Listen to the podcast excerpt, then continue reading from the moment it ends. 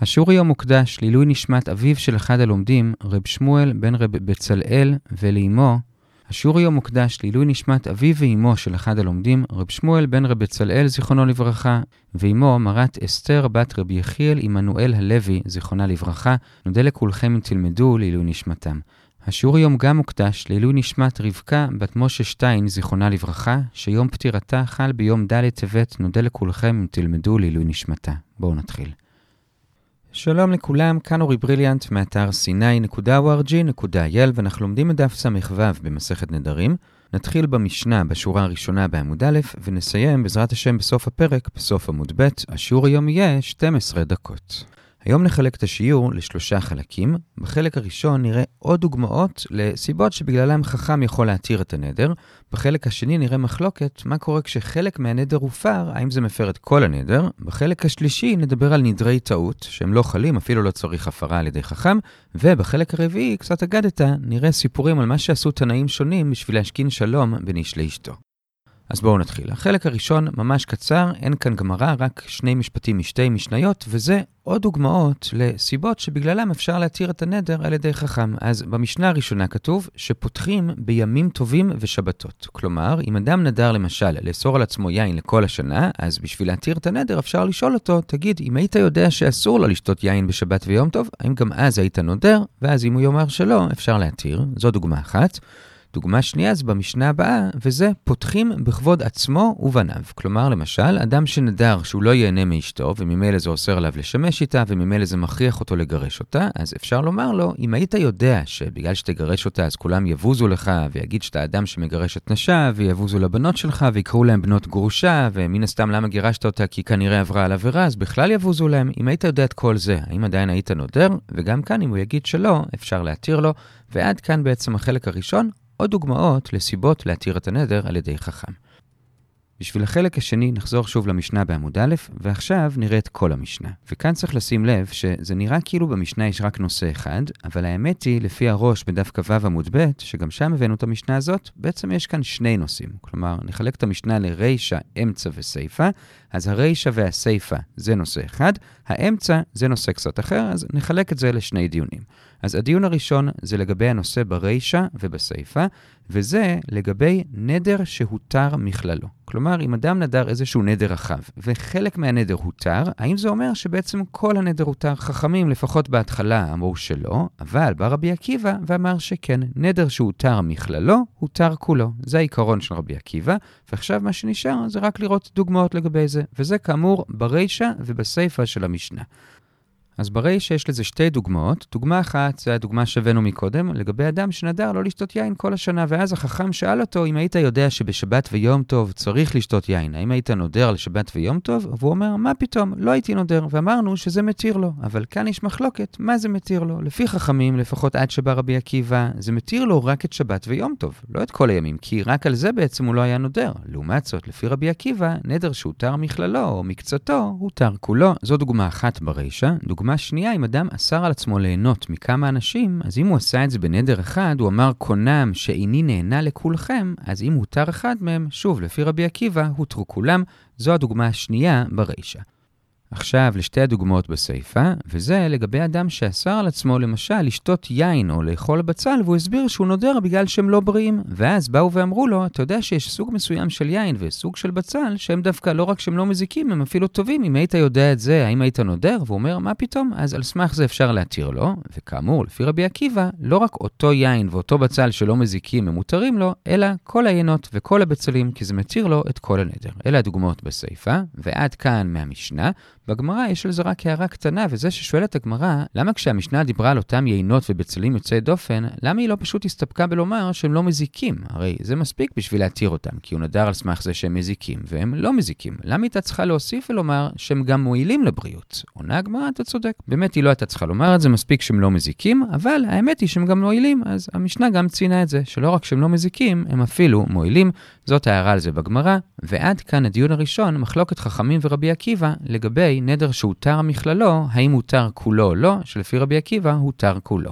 הדיון השני זה כאמור על האמצע של המשנה, וכאן, כאמור לפי הראש, לא מדובר על נדר אחד שכולל כמה דברים, אלא על כמה נדרים נפרדים. כלומר, המקרה הזה הוא המשך של הדוגמה השנייה מהרישא, של אדם שרוצה לאסור על עצמו ליהנות מכמה אנשים, אז כאמור, אם הוא אמר את זה ממש בנדר אחד, הרי אני אסור ליהנות מכולכם, אז ודאי שלפי רבי עקיבא, הותר מכללו, הותר כולו, כי זה נדר אחד. אבל, מה אם זה לא היה נדר אחד? אלא הוא אמר, אני נודר מראובן, אני נודר משמעון, אני נודר מלוי, נדרים נפרדים. אז במצב כזה, ברור שאם אחד מהם מותר, זה לא מתיר את כולם, כי זה נדרים נפרדים. זה ברור, על זה המשנה לא מדברת. על מה היא מדברת כאן? היא מדברת על מצב שהוא אמנם עשה נדרים נפרדים, אבל הוא תלה אותם אחד בשני. כלומר, הוא אמר, אני נודר מראובן, ואחרי זה הוא אמר, אני גם נודר משמעון שיהיה כמו ראובן, ואחרי זה אני נודר גם מלוי שיהיה כמו שמעון. אז הוא בעצם תלה את האיסור של שמעון בראובן, ואת של לוי בשמעון. ובמקרה כזה, אמנם זה נדרים נפרדים, אבל זה יצר תלות. וממילא אומרת המשנה, שאם הוא התיר את הראשון, זה יתיר גם את האחרון. כי כאמור, אפילו שזה נדר נפרד, האחרון תלוי בראשון. אבל להפך לא. כלומר, אם הוא התיר את האחרון, זה לא יתיר את הראשון, כי רק האחרון תלוי בראשון. הראשון לא תלוי באחרון. עכשיו, כל זה מדגישה המשנה, זה דווקא כשהוא אמר איך שתיארנו, ראובן אסור, שמעון כראובן, לוי כשמעון וכולי.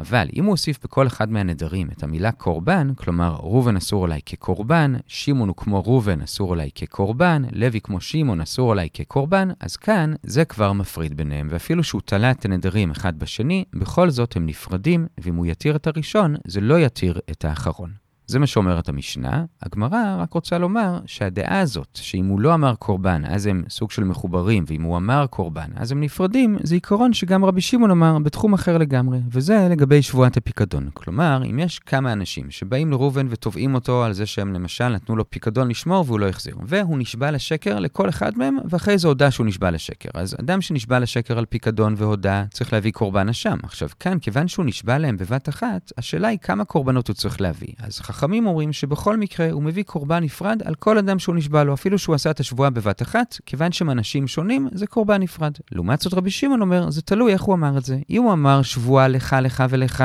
אז זה שבועה אחת, והוא מביא קורבן אחד. אבל אם הוא אמר שבועה לך, שבועה לך, שבועה לך, הוא כל פעם אמר את המילה שבועה, זה מפריד בין השבועות, ורק אז הוא מביא קורבן נפרד לכל אחד ואחד. זה רבי שמעון, וכאמור, הגמרא אומרת שזה דומה למשנה שלנו, שגם אצלנו, אם הוא לא אמר את המילה קורבן, אלא רק אני אסור על ראובן, שמעון כראובן ולוי כשמעון, אז אמנם זה לא ממש נדר אחד, אבל זה נדרים שתלויים אחד בשני. לעומת זאת, אם הוא כל פעם אמר, ראובן אסור עליי כקורבן, שמעון כראובן כקורבן, לוי כשמעון כקורבן, אז המילה קורבן מפרידה, שזה כאמור, כמו שאמר רבי שמעון. ועד כאן הדיון השני בחלק השני של השיעור, שזה כאמור האמצע של המשנה הראשונה בעמוד א', ועד כאן החלק השני של השיעור.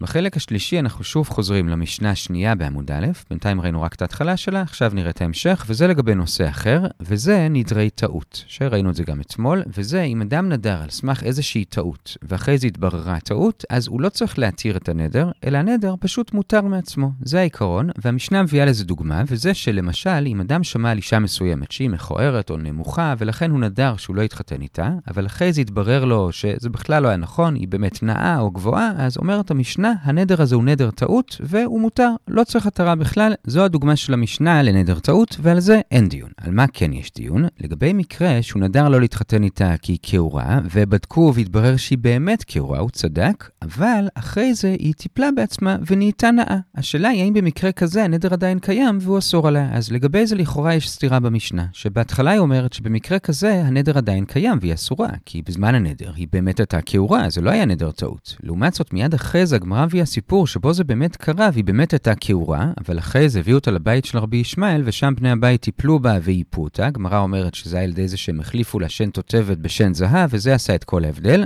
ורבן שמעון גמליאל, על סמך זה, התיר אותה, כי הוא אמר, גם כאן הנדר נחשב נדר טעות. אז שואלת הגמרא, מה, מעשה לסתור? כלומר, הגמרא מביאה סיפור שסותר את העיקרון שאמרה לפני, הרי כאמור, לפני זה היא אמרה שאם אחרי זה התייפתה זה לא עוזר, ואילו בסיפור, אם אחרי זה התייפתה זה עוזר. עונה הגמרא, חסור עם יחסרה, ובאמת זה מחלוקת. חכמים סוברים שזה לא עוזר, אבל רבי שמעון גמליאל סובר שזה עוזר, ומסביר הראש, כי אם אפשר לייפות אותה, כנראה שגם מראש היא באמת כן הייתה נאה, רק שהיא לא השקיעה בעצמה, ולכן הנדר הוא נדר טעות גם במקרה הזה, ועל זה בחר רבי ישמעאל ואמר, בנות ישראל נאות הן, אלא שהעניות מנבלתן. ובזה הגענו לשורה האחרונה בעמוד א', ועד כאן החלק השלישי של השיעור. החלק הרביעי והאחרון זה שאגב זה שהבאנו עכשיו את רבי ישמעאל שעשה חסד עם אותה בת ודאג שיתחתנו איתה והוא גם אמר אמירה כללית שבנות ישראל נאות אלא שהעניות מנבלתן וכנראה שהוא באופן כללי דאג לבנות ישראל ולכן כשהוא נפטר אז הם בכו עליו. אז אגב זה, מסופר על עוד תנאים שעשו כל מיני דברים בשביל שלום בית. יש לנו כאן שלושה סיפורים מאוד דומים, ואחרי זה עוד סיפור טיפה שונה. אז שלושת הסיפורים הדומים זה על בעל שנכנס לאיזה קריזה ונדר ואמר לאשתו, אני לא ייהנה ממך עד שמשהו. עד שמה? אז כאן זה שונה בין כל הסיפורים. בסיפור הראשון הוא אמר לה, עד שתביא מהאוכל שאת מכינה לרבי יהודה ורבי שמעון שיטמאו. וזה קצת ביזיון לתלמידי חכמים שצריכים להתעסק עם דברים כאלה, אבל בכל אופן היא הלכה אליהם, ורבי יהודה באמת טעה מהתבשיל, כי אפילו שיש בזה זלזול בכבוד תלמידי חכמים, אבל עדיין הוא אמר קל וחומר מהטקס שעושים לסוטה, שאם השם מוכן שימחק שמו על המים בשביל להשכין שלום בין אדם לאשתו, אז גם הוא מוכן לזלזל בעצמו ולטעום מהתבשיל. זה היה רבי יהודה. לעומת זאת רבי שמעון לא טעם כי הוא ראה בזה זלזול בתלמידי חכמים, וגם לא רצה שאנשים ילמדו מזה לדור, ולכן הוא אמר, אני לא טועם, גם אם זה אומר שאותו אדם ובניו ימותו, כלומר הוא בעצם קילל אותו, וזה היה הסיפור הראשון. הסיפור השני זה שהבעל נדר שאשתו צריכה לירוק על רבן שמעון בן גמליאל, אז היא באמת הלכה וירקה, אבל לא נעים לירוק עליו ממש, אז היא ירקה על הבגד שלו ולא על הבשר, והתעורר דיון באמוראים, האם זה נחשב שהיא קיימה את התנאי שהבעל עשה, כי הרי יריקה על הבשר זה הרבה יותר מבזה, אבל אמר אבינה, בכל זאת גם יריקה על הבגד זה מבזה מספיק, וזה נחשב שהיא קיימה את התנאי, והיא מותרת לבעלה, זה הסיפור השני. סיפור שלישי זה שהבעל נדר שהוא לא ייהנה ממנה עד שהיא תלך לרבי ישמעאל ברבי יוסי והוא ימצא בה איזה דבר טוב. אז הוא בירר לגביה ושאל, אולי היא נראית טוב, אולי יש לה עיניים יפות, אוזניים יפות וכולי, ואמרו לה, לא, הכל הכל שלילי אצלה, אין לה שום דבר יפה. ואז הוא שאל, רגע, איך קוראים לה? אמרו לו, לכלוכית. אז הוא אמר, או, oh, זה דבר יפה, השם שלה הוא יפה לה, הוא מתאים לה, ועל ידי זה הוא התיר אותה לבעלה. עד כאן שלושת הסיפורים הראשונים. הסיפור הרביעי זה טיפה שונה, זה אדם שעבר מבבל לארץ ישראל והשפות קצת שונות, והוא התחתן שם, והוא ביקש מאשתו כל מיני בקשות של אוכל, והיא כל פעם הבינו אותו או באופן מילולי מדי, או בגלל הבדלי השפות, בצורה קצת מצחיקה, והוא כל פעם התעצבן עליה, עד שבסוף היא הביאה לו במקום אבטיחים נרות, כי בארמית זו אותה מילה, אז הוא אמר, לכי תשברי אותם על הראש של הבבא, כלומר על הראש של הדלת, אבל היא הבינה שהוא התכוון על הראש של חכם שקראו לו בבא בן בוטה, אז היא הלכה ושברה את הנרות על הראש שלו, והוא שאל אותה, מה את עושה? והיא אמרה לו, ככה בעלי אמר לי. אז הוא הבין את הסיפור, והוא אמר, את עשית רצון בעלך, המקום יוצאים ממך שני בנים כבבא בן בוטה. ובזה הגענו לסוף עמוד ב' וגם סיימנו את הפרק. הדרן הלך, פרק רבי אליעזר. נעצור כאן ונחזור על מה שראינו. חילקנו את השיעור לארבעה חלקים. בחלק הראשון ראינו עוד דוגמאות לסיבות שאפשר על אדם להתיר את הנדר על ידי חכם, וזה למשל אדם שנדר לא לשתות יין כל השנה, והוא אומר שאם הייתי יודע שצריך לשתות יין בימים טובים ושבתות, אז לא הייתי נודר. ודוגמה שנייה, אדם שנדר לא ליהנות מאשתו, והוא אומר שאם הייתי יודע שבגלל זה אני צריך לגרש אותה, ובגלל זה יבזו אותי ואת הילדים שלי, לא הייתי נודר, אז אלה סיבות להתיר, זה היה בחלק הראשון.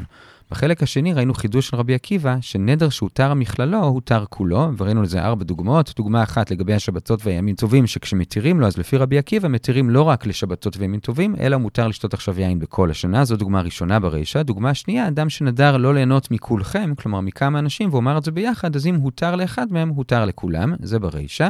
בסיפא גם ראינו שתי דוגמאות על אדם שנדר לא לשתות יין או לא לאכול בצל, כי זה דבר לא בריא, ואז התירו לו יין שהוא כן בריא או בצל שהוא כן בריא, ועל ידי זה הוא הותר בכל היינות ובכל הבצלים, ועד כאן לגבי החידוש של רבי עקיבא, נדר שהותר המכללו, הותר כולו. דיון שני בחלק הזה היה באמצע המשנה, לגבי אדם שנדר לא ליהנות מכמה אנשים, אבל הוא לא עשה את זה בנדר אחד, אז כאן לא אומרים את החידוש של רבי עקיבא, אבל בכל זאת, אם הוא תלה את הנדרים אחד בשני, כלומר הוא אמר ראובן אסור אולי, ושמעון כראובן, ולוי כשמעון, אז גם שם, אם התירו את הראשון, התירו את כולם, כי כולם תלויים בו, אם התירו את האחרון, אז רק האחרון הותר. אבל אם הוא אמר קורבן בין כל אחד ואחד, אז זה מפריד ביניהם לגמרי, וגם אם התירו את הראשון, לא התירו את האחרון, ואומרת הגמרא שזה כרבי שמעון שמר דבר דומה לגבי שבועת הפיקדון, שאם אמר שבועה בין כל אחד ואחד, זה מפריד את זה לכמה שבועות, וזה היה החלק השני.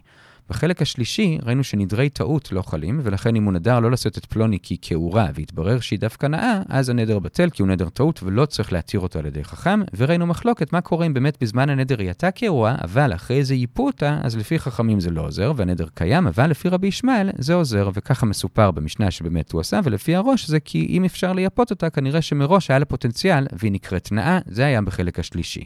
בחלק הרביעי ראינו כמה סיפורים על תנאים שזרמו עם בעלים מוזרים, שנדרו והכריחו את האישה שלהם לעשות כל מיני דברים מוזרים, העיקר שבסוף היא תחזור הביתה ויש שלום בית, כל טוב.